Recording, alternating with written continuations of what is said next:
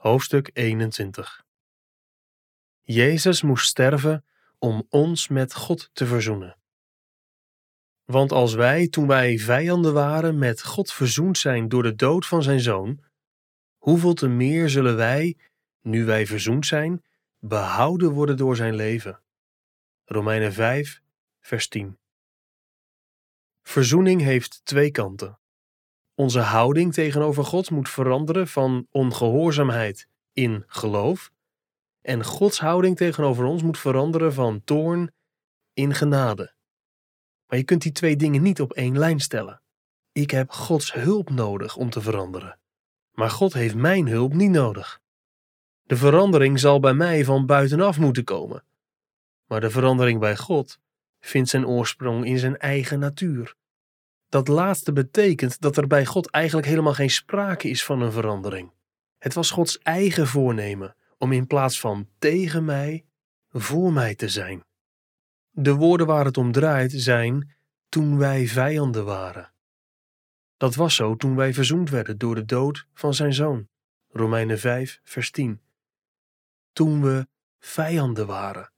Met andere woorden, de eerste verandering vond plaats in God niet in ons. Wij waren nog vijanden. Niet dat we willens en wetens op het oorlogspad waren. De meeste mensen zijn zich er niet eens van bewust dat ze vijandig staan tegenover God. Die vijandschap komt subtieler tot uiting in verhulde ongehoorzaamheid en onverschilligheid.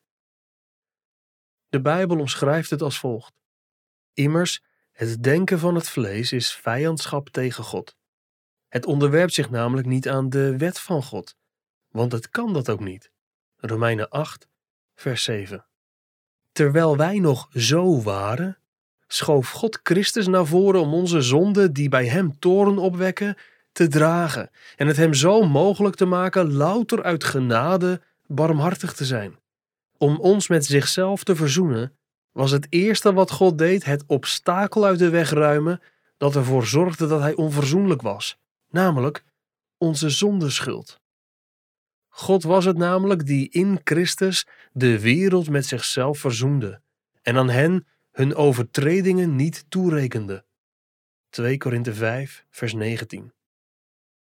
Wanneer de gezanten van Christus met deze boodschap de wereld intrekken, zeggen zij: Namens Christus smeken wij, laat u met God verzoenen. 2 Korinthe 5, vers 20. Bedoelen ze dan slechts verander je houding ten opzichte van God? Nee, ze bedoelen ook dat je aanvaardt dat God de eerste stap heeft gezet om zich in Christus met jou te verzoenen. Je moet eens kijken in hoeverre de verzoening tussen mensen onderling hiermee overeenkomt. Jezus zei: Als u dan uw gave op het altaar offert en u zich daar herinnert dat uw broeder iets tegen u heeft, laat uw gave daar bij het altaar liggen en ga heen Verzoen u eerst met uw broeder en kom dan terug en offer uw gave. Matthäus 5, vers 23 en 24. Let wel, verzoen u eerst met uw broeder. De broeder is degene die zijn veroordelende houding moet laten varen.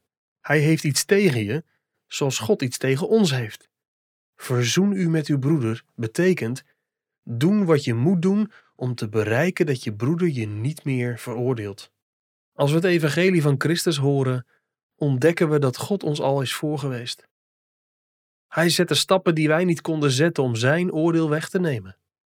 Hij zond Christus om in onze plaats te lijden en te sterven. De beslissende verzoening vond plaats toen wij nog vijanden waren.